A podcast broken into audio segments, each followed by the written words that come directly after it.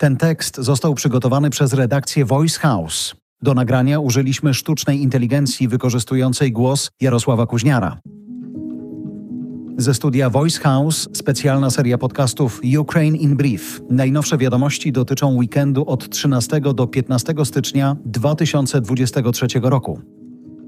To był jeden z najkrwawszych weekendów na tej wojnie. W rosyjskim ataku rakietowym na miasto Dniepr zginęło co najmniej 29 osób, a ponad 70 jest rannych. Mieszkańcy Dniepru zbierają pomoc dla ludzi ocalałych z rosyjskiego ataku. Akcja ratunkowa trwa. Wieczny odpoczynek wszystkim, którym życie zabrał rosyjski terror. Świat musi powstrzymać zło, pisze ukraiński prezydent.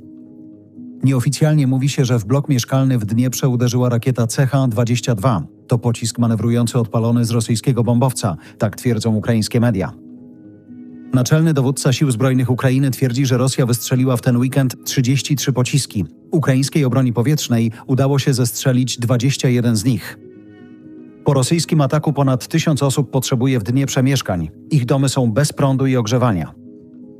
Siły powietrzne Ukrainy przekonują, że dzisiaj potrzeba im patriotów do zestrzelenia pocisków, których Rosja użyła do uderzenia w wieżowiec w Dnieprze.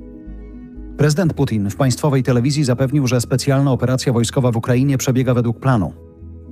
Rosyjskie Ministerstwo Obrony przyznało, że armia rozpoczęła w sobotę falę ataków rakietowych na ukraińskie obiekty wojskowe i infrastrukturalne i wszystkie zaplanowane obiekty zostały trafione.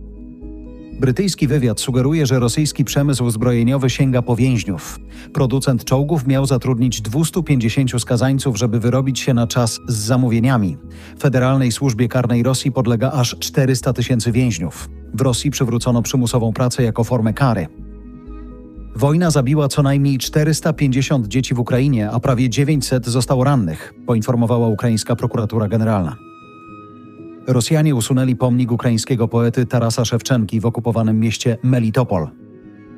Ten tekst został przygotowany przez redakcję Voice House. Do nagrania użyliśmy sztucznej inteligencji wykorzystującej głos Jarosława Kuźniara.